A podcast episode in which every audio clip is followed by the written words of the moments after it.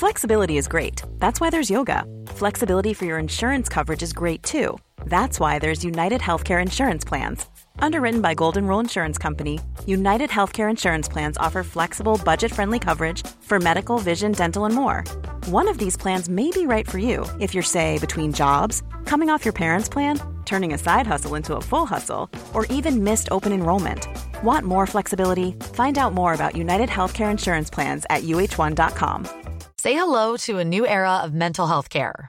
Cerebral is here to help you achieve your mental wellness goals with professional therapy and medication management support. 100% online.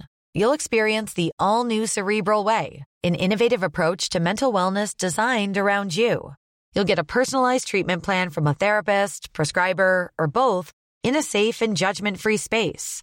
Your cerebral therapist or prescriber will outline a customized plan with clear milestones along the way so you can get to feeling your best.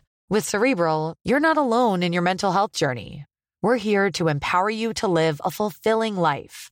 So take that first step towards a brighter future and sign up today at cerebral.com slash podcast and use code ACasts to get 15% off your first month. Offer only valid on monthly plans. Other exclusions may apply. Offer ends July 31st, 2024. See site for details.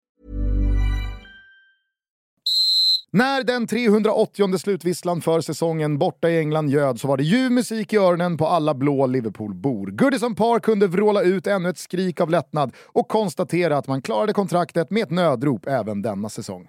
Det var aldrig vackert, det var kanske inte värdigt, men Everton kan konstatera att tre lag tog färre poäng än dem och det är i årets sista omgång det enda som räknas.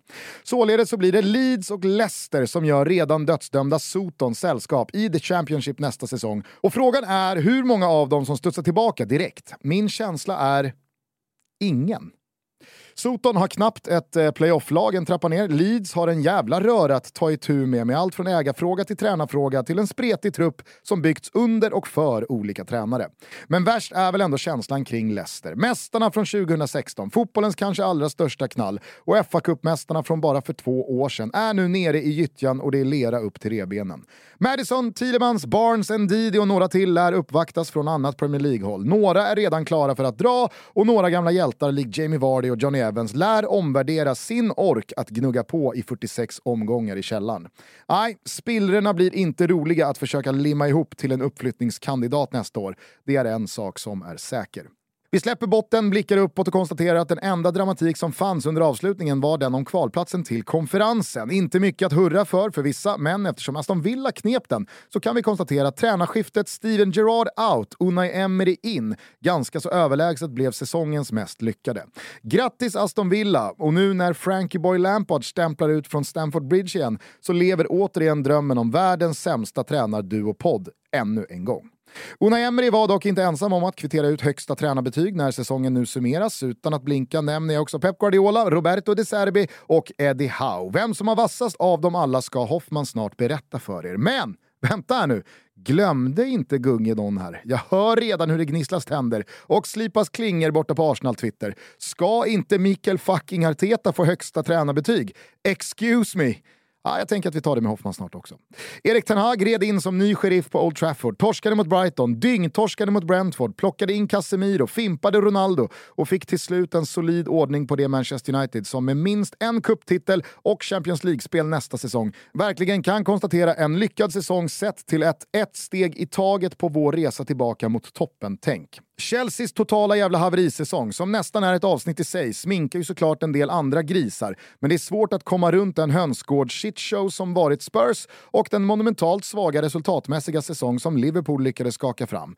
Titeln var borta långt innan VM, spelare och Klopp ifrågasattes på ett sätt som jag inte upplevt tidigare och när allt var över så var det både titel och Champions League löst. Men de fick sin 7-0 på United i alla fall. Jag vill också ta med hatten för Brentford som stod för en löjligt stabil säsong med bara nio förluster och för nykomlingen Fulham som vann 15 fighter och aldrig droppade ner från den övre halvan från att de nådde den. Knät i backen också för gammelgubben Roy Hodgson som närmare 80 än 70 kom in och löste Palace nya kontrakt redan innan det blev svettigt på riktigt. West Ham, Nottingham och Wolves ska vara glada att räddningsplankorna var ganska många och den fula ankungen Bournemouth förtjänar givetvis mycket mer beröm än vad man får i den här podden eller någon annanstans för den delen heller. Kommer vi göra något åt det idag? Nej, är svaret. Hålands 36 eh, Premier League-mål kommer givetvis slås av honom själv, kanske redan nästa år. Men eh, man får ju hoppas att eh, Ivan Tony i alla fall fick ett bra odds, om man nu spelade sig själv, att göra 20 mål eller fler. Och så ska det bli oerhört, och då menar jag oerhört spännande, att se vad som händer med Harry Kane. 30 mål i Spurs är nothing short av årets prestation, i alla fall enligt mig. Men nu, nu vill vi höra mer om oraklets syn på säsongen och vilka spelare och ledare som förtjänar hans applåder. Ja,